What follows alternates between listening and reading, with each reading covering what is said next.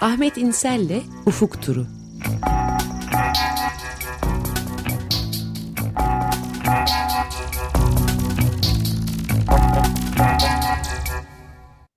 Günaydın Ahmet, merhabalar.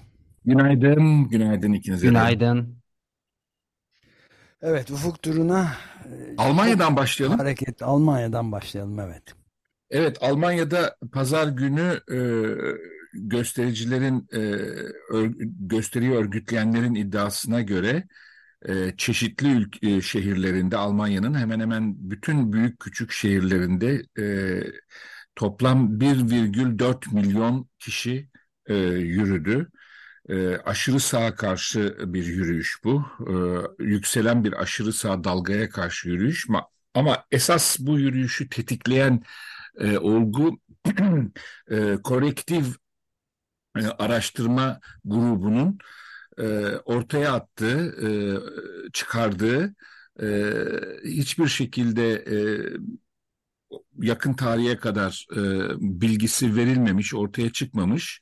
E, geçtiğimiz hafta değil, ondan 15 gün önce yanılmıyorsam biz biraz bahsetmiştik bundan. Evet, E, Potsdam'da e, 25 e, Kasım 2023'te düzenlenen bir otelde düzenlenen e, kapalı bir toplantı. Bu toplantıya e, Avusturyalı e, aşırı sağ e, düşünür e, Martin Sellner'i dinlemeye e, gelen e, 100 civarında insan var. Bunların içinde e, Almanya için e, Alternatif Partisi, Aşırı Sağ Parti, AfD'nin e, bayağı ciddi bir e, katılımı var. Neonazi e, örgütlerinin temsilcilerinin katılımı var ve e, ve bu, bu toplantı sırasında e, Hatta Martin Hristiyan demokratlardan da var. Hristiyan Öyle. demokratlardan da iki kişi var. Evet. Ee, özellikle onlar e, Sağ ayrılmışlar. kanadından diyorlar Efendim? partinin. Daha aşırı sağ kanadından partinin Ya diyorlar. onu geleceğim şimdi. Onlar da ayrıldılar Hristiyan Demokrat Parti'den zaten geçtiğimiz gün. Ee, bu Martin Sellner'in iddiası e, önümüzdeki gün e, yıllarda Almanya'nın bir tersine göç politikası e, uygulaması e, gerekir. Bu da e, hem göçmenlerin hem Alman vatandaşlığı almış e, yabancıların bu Alman vatandaşlığı almış yabancı tabiri de ilginç bir tabir tabii. E, tam bu şekilde kullanıyor mu emin değilim. Alman vatandaşlığı almış yabancılar mı diye kullanıyor yoksa Alman vatandaşlığı almış e, göçmenler diye mi geçiyor? Ondan emin değilim ama e, Alman vatandaşlığını almış olmasına rağmen e, Alman e, kimliğine entegre olmadığı düşünülen kişilerin bu milyonlarca insan demek hem göçmenler hem Alman vatandaşları arasında bir kesim e, Kuzey Afrika'da model bir ülkeye bir ülke adı yok adı ama model bir ülke bu nasıl bir model bir ülke ise bilmiyorum. E, mesela Libya mıdır bu model ülke ne dersiniz? bence Ruanda olabilir. E, işte Kuzey So Afrika diyor ama. Kuzey soykırımla model olduydu zaten. Hani Kuzey Afrika diyor da ondan şaşırdım. Yoksa Kuzey Afrika'sı demese Afrika'da veya dünyada bir model ülke dese epey bir ülkeye yollanabilir. Yani başka ya- yakınımızdaki ülkeler de var. Hatta daha da yakınımızda. Evet, Ee, Kuzey Afrika'da model bir ülkeye e, zorunlu olarak e, yollanmalarını e, öngören bir e, program. Bu neo-Nazilerin eski bir e, projesini tabii e, Yahudilerin e, Madagaskar'a yollanması projesini hatırlatan bir e, yönü var elbette. E, Alman Yahudilerinin Madagaskar'a yollanması projesini hatırlatıyor. E, bunu buna tepki olarak tabii çok büyük bir e, yürüyüş e, düzenlendi e, Almanya'da pazar günü. Bu yürüyüşten önce e, bu haber çıktıktan sonra e, Alman e, İç İstihbarat Örgütü'nün başkanı, e, Anayasayı Koruma Federal Bürosu, AfD'nin e, liberal demokra Almanya'daki liberal demokrasi için bir yakın tehdit olduğu ve kapatılmasının uygun olacağı görüşünü dile getirdi. Bu da ciddi biçimde Almanya'da şu anda tartışılan bir konu. Ee, bu e, Almanya'da iki parti e, yasaklandı. Biri 1953'te Alman e, Sosyalist e, Reich Part Rah Partisi, Nazi Partisi 1953'te yasaklandı. Bir de 1959'da Almanya Komünist Partisi, Batı Almanya tarafındaki Komünist Partisi yasaklanmıştı. Onun dışında parti yasaklanmadı Almanya'da. E, 1970'lerde yanılmıyorsam e, neonazi e, bir hareketi yasaklama e, girişimi oldu fakat e, hemen hemen hiçbir e, gücü olmadığı için e, Almanya açısından bir tehdit teşkil etmediği gerekçesiyle e, Anayasa e, Mahkemesi e, bu, bu ya, partiyi yasaklamaktan vazgeçmişti. Çünkü aynı zamanda sadece e, suç lu durumunda olması yeterli değil. Bir de e, tehdit gerçek anlamda tehdit oluşturması lazım. Ama şimdi tabii AFD eğer tehdit diye bakılırsa tehditin alası e, bayağı ciddi bir e, parlamentoda grubu var, e, belediye meclislerinde e, e, temsilcileri var. E, bazı bölgelerde Saks bölgesinde örneğin eski Doğu Almanya bölgesinde e, neredeyse birinci parti konumunda ve burada da Bu ciddi NSU pardon NSU kapatılmıştı yanlış hatırlamıyorsam yakın zamanda bir de. Nasyonel Sosyalist Yeraltı Örgütü. emin değilim. Ee, şu anda çünkü bir yandan bakıyordum da siz öyle deyince hatırladım. İki tane benim bildiğim Daha e, açık parti yani resmen kurulmuş parti, yara- e, gizli partiden bahsetmiyorum. Onlar olabilir. Hmm. Ha, resmi olarak kurulmuş faaliyet gösteren partiler. Hani e, gayri resmi yeraltı örgütleri olabilir tabii kapanmış. Onlar onlar ayrı. Bunlar resmi olarak e, faaliyet gösteren Göster, partilerden evet. iki tanesi. Yoksa belki şeyler vardır. E, herhalde şeyde kapatılmıştır. Kızıl e, Root Army Fraction falan da kapatılmıştır ama onlar yeraltı örgütleri zaten.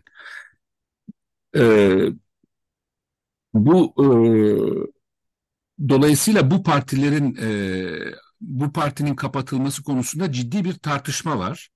E, Yeşiller daha çok kapatılma taraftarı gözüküyorlar. E, sosyal demokratlar içinde de bir e, ağırlıklı bir e, kesim var AFD'nin kapatılmasının gerekli olduğunu düşünen. Buna karşılık e, Hristiyan demokratlarda, sosyal demokratların bir kısmında hatta Yeşillerin içinde de e, bu parti kapatılırsa başka parti kurulur ve daha da güçlenerek gelir.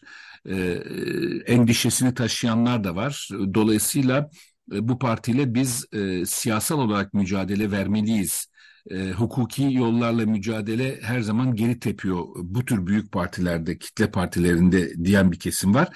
E, ve bu siyasi yolla mücadele vermenin bir e, adımı olarak da pazar günkü bu büyük yürüyüş e, düzenlendi. E, Almanya'da e, ciddi biçimde bir aşırı sağ, daha doğrusu göçmen karşıtlığı üzerine oluşmuş bir kamplaşma var. E, Die Sol Parti'den ayrılan e, Die yöneticisi Sahra Wagen Wagenknecht'in partisi kuruldu biliyorsunuz. E, onlar AFD'nin e, programına çok yakın bir sol program e, öneriyorlar. Göçmenlere yönelik, e, göçmenlere karşı göçmen karşıtı bir e, çizgi içindeler. Diğer taraftan biraz evvel Özdeş'in bahsettiği SDU'lu birkaç milletvekili veya bir, bir grup bu toplantıya da katılan iki kişi var e, tespit edilen e, SDU üyesi. E, bir e, Almanya e, Koruma Federal Bürosu'nun yani İç İstihbarat Örgütü'nün e, 2018'e kadar başında olan ve Merkel tarafından görevden alınan bir e, kişinin e, başında olduğu Değerler Birliği Derneği e, içindeki kişiler geçtiğimiz günlerde Hristiyan Demokrat Parti'den ayrıldılar ve bu Hans-Georg Masses'in başında olduğu bir parti kurma girişimi başlattılar. Dolayısıyla onlar da e, aynı e, Die Linke'nin soldan e, ayrılması gibi. Bunlar da e, Hristiyan Demokrat'tan daha aşırı sağ bir grup olarak ayrılıyorlar ve e, e, ana temada Almanya'nın değerlerinin korunması ve bunun işte bir e, kimlik mücadelesi olduğu, bunun bir medeniyet mücadelesi olduğu, Alman e, özgül değerlerinin tehdit altında olduğu gibi temalar. Bunlar tabii e, e, AFD'nin rakibi olacak e, esas e, örgütler gibi gözüküyor ama diğer taraftan da hem soldan hem e, liberal sağdan veyahut e, Hristiyan demokrat e, sağdan e, bazı seçmenleri de kendi, kendilerine seçebilirler. Bütün bunlar tabii önümüzdeki... Tabii bir de siyasetin ağırlığını aşırı sağ aşırı sağ tabii. Tartışmanın, öyle, evet. Peki tartışmanın ben de bir şey sorayım. temalarını oraya doğru çekiyorlar. Evet. E, Martin Zellner bu e, Avusturyalı bir aktivist dedin. E, Heil Zellner mi de- denecek slogan olarak? Çünkü Hitler de malum Avusturyalıydı. Evet onu düşündüm. Yani bu Avusturya'dan çıkan e, gelenek e, var yani. faşizan e, eğilimli düşünürler. Tabii Avusturya'da da güçlü bir aşırı sağ var. Onu unutmamak lazım. Yani iktidar partisi e, e, koalisyon ortağı oldu, oldu hatta biliyorsunuz. Evet evet. Adolf dönem. Hitler de düpedüz bütün ömrünün bir kısmını Avusturya'da geçirdikten sonra Almanya'ya hakim olmuştu. Evet. Evet, şimdi bu bunla, bu Almanya'daki bu e, gösteriler tabii sadece e, aşırı sağ ve e, bu göçmen karşıtlığına karşı aşırı sağın yükselmesine karşı gösteriler olmuyor Almanya'da. Bütün Avrupa'yı giderek saran e, son e, haftalarda e, çiftçilerin protesto gösterileri var. Almanya'da da Berlin'de sokakları günlerce bloke edebildiler. Bir gün boyunca bloke ettiler ama başka yerlerde de aynı eylemi yürüttüler. Romanya'da biraz herhangi ülkelerde olduğunu sayalım ve bu giderek yayın yaygınlaşıyor da Romanya'da, Almanya'da bahsettik, Hollanda'da, Polonya'da e, Fransa'da başladı.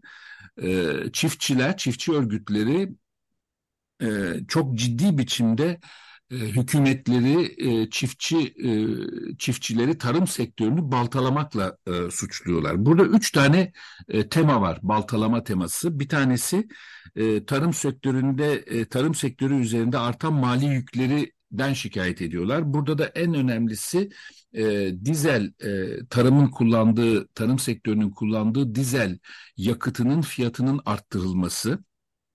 İkincisi e, Ukrayna'nın e, dan gelen tarım ürünlerinin rekabetinden şikayet etmek. Bu Polonya'da biliyorsunuz son derece e, öne çıkmıştı geçtiğimiz yıl. E, aynı şekilde Macaristan'da e, dile getirildi. Şimdi Almanya'da da dile getiriliyor ve e, daha kapsamlı bir e, karşı çıkış ise e, Avrupa Birliği, Avrupa Komisyonu'nun oyladığı, uy- uygulamaya başlattığı e, Green Deal, yeşil e, anlaşma e, nın uygulanmasının tarım sektörünü Avrupa'da çökerteceği e, iddiası E, ve e, altından kalkılmaz olduğu iddia edilen çevre koruma kuralları normlarının e, teşhir edildiği, e, eleştirildiği, bunların hükümetler tarafından uygulanmaması gerektiği, Avrupa Komisyonu'nun bir yeşil e, felaket, e, tarıma yönelik bir felaket unsuru, yeşil gerekçeyle e, felaket e, senaryosu hazırladığı iddiası. E, bunu aşırı sağ partilerde e, yoğun biçimde destekliyorlar. E, niye şimdi birden ortaya çıktı derseniz Haziran ayındaki Avrupa Birliği parlamentosu seçimleri için bir malzeme aynı zamanda bu tabii. Aşırı sağ partiler açısından AB'ye karşı bir e, öfke hareketini tetiklemek aynı zamanda.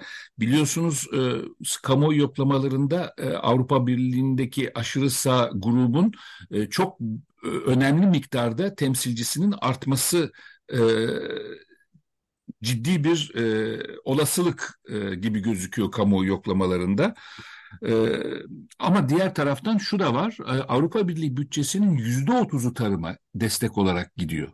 Yani buna rağmen, yani tarıma yüz, bütçenin yüzde otuzun destek olarak gitmesine rağmen tarım sektörü Avrupa Birliği'ni tarımı batıran bir e, kurum, e, bir kuruluş, bir e, yeşil faşizm diye tanımlıyorlar bazı durumlarda Avrupa Birliği'nin bu Green Deal e, Green Deal e, politikasını. Evet burada tabii son derece ilginç gelişmeler de oluyor. Yani aşırı bütün bu sözünü ettiğin Avrupa ülkelerinde e, ki çiftçi hareketleri tümüyle e, şeyden destekleniyor. Alternative für Deutschland Almanya'da işte Fransa'da Rassemblement National mi deniyor ona? Evet. İsveç'te İsveç Demokratları, Macaristan'da Fidesz, evet. e, Fratelli d'Italia, İtalya'nın biraderliği, İtalya, yani bütün Hollanda'da filan hepsi ama aşırı Amerika'da, sağ partiler. Aşırı tabii, tabii. sağ ve Romanya'da da öyle.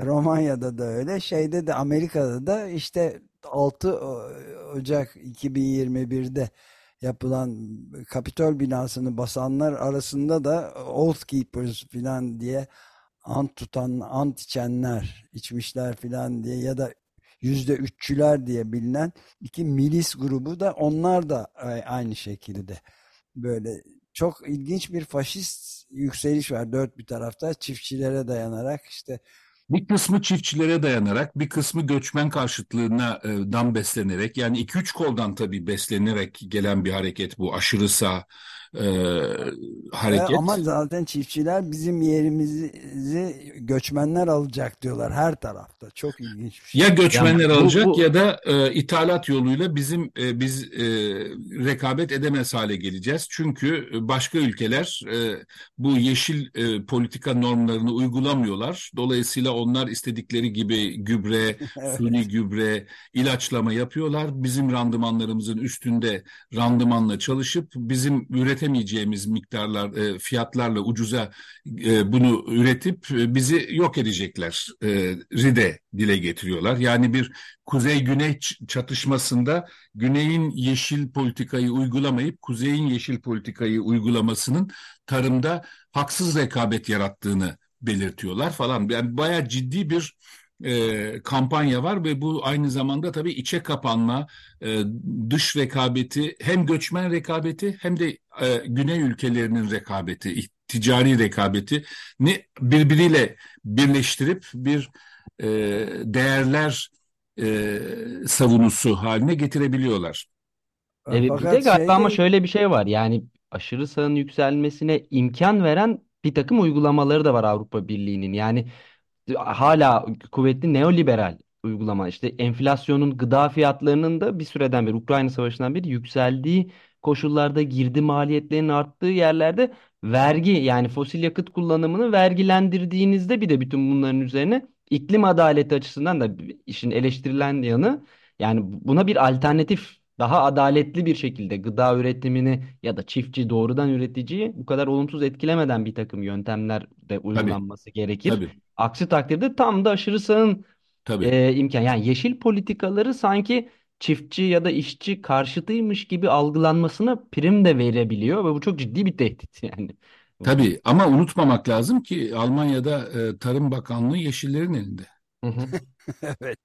Ya bir de tarihçi Robert Paxton'ın yazdığını hatırlatıyor George Monbiot da son yazılarından birinde Guardian'da. E, yani Mussolini'nin de Hitler'in de ilk büyük kitle tabanı doğrudan doğruya böyle tarımdaydı. Tarımcılardan öfkeli Ama tabii şöyle bir fark var. Diyor. Yani evet. o Monbiot'un yazısına baktım ama şöyle bir fark var tabii. Şimdi artık seçmen itibariyle baktığımızda tabii çok cüzi bir kesim tarım kesimi. Evet. Yani Mussolini dönemiyle karşılaştırdığımızda çok cüzi bir kesim. Ama şey kapasitesi yüksek. E, toplumu harekete geçirme, hassas toplumu hassas kılma kapasitesi yüksek. Yoksa sadece oy tabanı diye baktığımızda çok cüzi. Yani nüfusun yüzde beşinden azı tarımda çalışan bir kesim. Ama e, yani yeşillerin ciddi biçimde bir e, politikalarını e, yani bu politikalardan mağdur olan kesimleri de e, dahil edebilecekleri bir e, bir politikaya, bir politika çizgisine ihtiyaç var ve burada ciddi biçimde tabii e, Almanya'da özellikle ama başka yerlerde de benzer e, sorunlar gündeme geliyor. E, bir şey tepkisi yani yeşil faşizm veya e, yeşil diktatörlük tabirinin aşırı sağ tarafından çok yoğun biçimde giderek artan biçimde kullanıldığına şahit oluyoruz. Bitirirken e, bu e, Uluslararası e, Adalet Divanı'nda görülen e, davanın e, seyriyle ilgili belki konuşalım. E, Adalet Uluslararası Adalet Divanı'nda e, Güney Afrika'nın e, İsrail'in e, Gazze'deki e, saldırısını e, bir e, olası e, soykırım e, tehdidini, tehlikesini e, gündeme getirdiği için şikayet eden Güney Afrika'nın başlattığı dava iki oturumda görüldü. Birinci gün suçlamalar, suçlayan taraf, şikayetçi olan tarafın argümanları sunuldu. Ertesi günde savunma yapıldı biliyorsunuz. Güney Afrika ile beraber Bangladeş, Bolivya, Komor Adaları ve Cibuti e, taraf olmuştu. Şimdi e, kuzey ülkelerinden, Avrupa Birliği ülkelerinden e, hiçbir ülkenin buraya taraf olmaması çok anlamlıydı. Fakat bu değişmeye başladı. Slovenya ve arkasından Belçika e, Güney Afrika'nın şikayetinde taraf e, oldular ve belki arkasından İspanya ve İrlanda da gelebilir e, diye düşünülüyor. Uluslararası Adalet Divanı'nın yalnız şunu belirtelim. Uluslararası Adalet Divanı bir ceza mahkemesi değil bir soruşturma yaparak bir savcılık makamı yok e, Uluslararası Adalet Divanı'nın. E, sadece durum tespiti yapan bir e, bir e, mahkeme diyelim, divan, e, hukuk e, merciği e, Birleşmiş Milletler bünyesinde 1945'te e, kurulan, 46'dan itibaren çalışmaya başlayan e, bir e, 152 ülkenin taraf olduğu bir e, bir e, kuruluş Uluslararası Adalet Divanı. Yaptırım gücü yok. Öyle ki e, daha önce Birleşmiş Milletler Uluslararası Adalet Divanı yanılmıyorsam 2002 yılında e, İsrail'in e, Gazze şeridine e, çekmeye başladığı duvarla ilgili bunun e, uluslararası hukuka aykırı olup olmadığı hakkında e, görüş bildirmişti ve Uluslararası Adalet Divanı bu e, duvarın e, hukuka, uluslararası hukuka tamamen aykırı olduğunu ve durdur inşaatının durdurulması gerektiğini, hemen durdurulması gerektiği konu yönünde e, karar almıştı ama İsrail bunu uygulamadı. Bir dizi e, kararı uygulanamıyor, e, uygulanmıyor ama tabii ki e, bunun uygulayıcısı ülkeler... devletler diyorlardı. Yani mahkemenin aslında aldığı kararlar ciddi uluslararası hukuk açısından bağlayıcılığı olsa da bunun uygulayıcısı devletlerdir. Evet yok çünkü başka bir şey, evet, başka evet. bir e, başka bir yapı e, elinde bir yaptırım imkanı yok. E, bir de dediğim gibi ceza mahkemesi değil. Hı hı. Bu önemli. Yani şimdi onu onu şunun için belirtiyorum. Uluslararası Ceza Mahkemesi ile karıştırılıyor. Uluslararası Ceza Mahkemesi bir ceza mahkemesi. Yani Milosevic'i hapsettiler biliyorsunuz. Radovic'i hapsettiler. Uluslararası Ceza Mahkemesi 1998'de kuruldu. Roma statüsüyle 2020 2002'de çalışmaya başladı. Şimdi Uluslararası Adalet Divanı'na şikayet etme e, yetkisi olan sadece devletler ve Uluslararası Adalet Divanı kişileri e, soruşturmuyor. Kişilerin suçlarını kişilerle ilgili değil, devletlerin dev, evet. devletler arasındaki ihtilafları e, görüldüğü bir makam, hukuk makamı. E, buna karşılık Uluslararası Ceza Mahkemesi de devletleri soruşturmuyor, kişileri soruşturuyor suçlu kişiler. Yani e, Sırbistan devleti hakkında dava açılmadı Uluslararası Ceza Mahkemesi'nde. Sırbistan Devlet Başkanı Milosevic hakkında dava açıldı. E, Uluslararası Ceza Mahkemesi'nde 2002'de çalışmaya başladı. 60'ın üzerinde im, e, ülke imzalamıştı. E, 2002'den e, sonra işlenen suçları sadece e, soruşturup e, karara bağlayan bir mahkeme ve dört suç e, unsuru var. E, dört tür suçu soruşturabiliyor.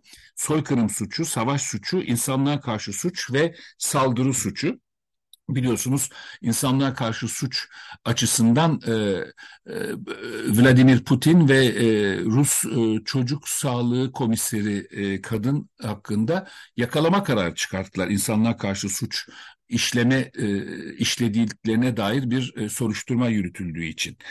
E, diğer taraftan e, şunu da belirtelim. Amerika Birleşik Devletleri, Rusya, Mısır, İran, Cezayir, Fas, e, Ukrayna gibi ülkeler e, Uluslararası Ceza Mahkemesi'nin e, Roma statüsünü imzaladılar ama e, bu anlaşmayı kendi meclislerinde tescil ettirmediler. Yani şu anda ABD, Rusya ve diğer saydığım ülkeler Uluslararası Ceza Mahkemesi'nde taraf değiller. Bir dizi ülke daha var. Arasında Türkiye'nin, Çin'in, Hindistan'ın, Kazakistan'ın olduğu ülkeler. Onlar Roma statüsünü de imzalamamış ülkeler. Tamamen bunun dışında olan ülkeler. Ee, ama Uluslararası Ceza Mahkemesi Roma statüsünü uygulamamış ülkeler hakkında, ülkelerdeki insanlar hakkında da e, soruşturma yapabiliyor ama bunun için Birleşmiş Milletler Güvenlik Konseyi'nin onu bu yönde çağırması lazım. Yoksa e, doğrudan kendisi e, Roma statüsünü imzalamamış ülkelerle e, ülkeler hakkında e, soruşturma yapamıyor.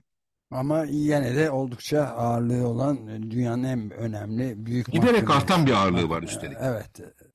Bakalım Ama başındaki ona... başındaki e, baş, yeni başsavcı 2021'de gelen başsavcı e, savcı ee, Ukrayna konusunda çok hızlı davrandı ama İsrail ile Filistin bir de unutmayalım e, 2014'ten beri Filistin uluslar e, Roma statüsüne taraf bir ülke olarak tanınıyor. Dolayısıyla Filistin Uluslararası Ceza Mahkemesi'ne İsrail'i bu Gazze şeridine yapılan saldırıdan çok önce şikayet etmişti ve 2019'dan beri İsrail'in e, insanlığa karşı suç işlediğine dair bir soruşturma başlatılmıştı. Ama diğer taraftan Filistin örgütlerinin de insanlığa karşı suç işlediklerine dair bir soruşturma da yürütüyor aynı zamanda Uluslararası Ceza Mahkemesi. Evet, Uluslararası Adalet Divanı'nın şeyini takibe devam edeceğiz. Bir... Uluslararası Adalet Divanı dediğim gibi e, iki karar verecek. Birincisi birkaç yıl alacak bir karar. Yani İsrail soykırım suçu işledi mi işlemedi mi e, kararı. O yıllar sürer. Bir de Güney Afrika e, esas talebi tedbir var. Evet. E, tedbirler yani e, saldırının durması, e, oraya insani yardımın gitmesi o da herhalde birkaç hafta içinde e, karar çıkacak. Evet. Takipteyiz. Peki çok Peki. teşekkürler. İyi günler. Görüşmek üzere.